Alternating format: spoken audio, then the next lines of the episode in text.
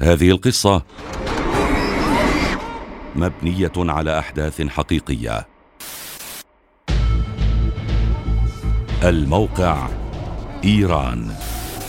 العصابة استغلال بشري.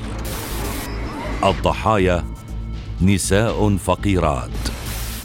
العملية تأجير الرحم قصرا والولادة.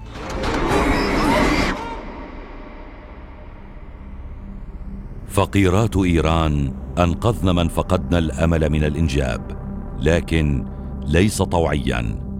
إذ في كل الأزقة الفقيرة التي تتغلغل فيها المآسي والهموم يوجد سماسرة بشريين يستفيدون من معاناة فئات لجني أموال طائلة.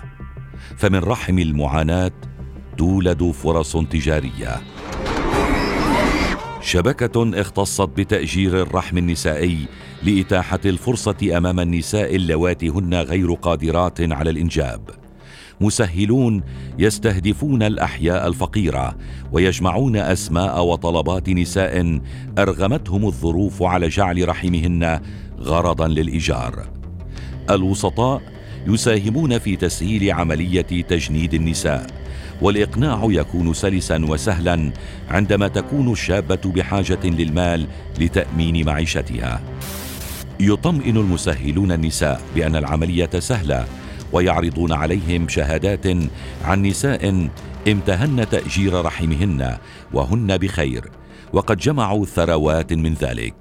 لذا الباقي يصبح لوجستيا. تصحب الامرأة إلى المستوصف أو عيادة مخصصة لهذه الشبكة. يتم استقبال طلبات استئجار رحم ويتولى طبيب متعاقد مع الشبكة تنفيذ الخطوات من الإخصاب عبر الأنابيب حتى آخر خطوات إجراء عملية الولادة. وفيما تعتبر الأم البديلة حلا قد لا يشكل جرما أو عملية إتجار في بعض البلدان. لكن عند اتخاذ العملية منحا قصريا واستغلالا على النحو الذي تتبعه هذه الشبكة بات الأمر اتجارا واضحا بالبشر.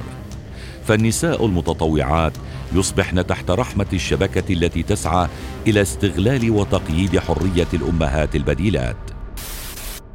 يجبر المسؤولون في العصابة النساء على تأجير رحمهن أكثر من مرة وبشكل متتال. وتعطى الأم مبلغا زهيدا. وبالتالي كل الأوهام التي لفقت في بداية العرض باتت خيالا لا حقيقة.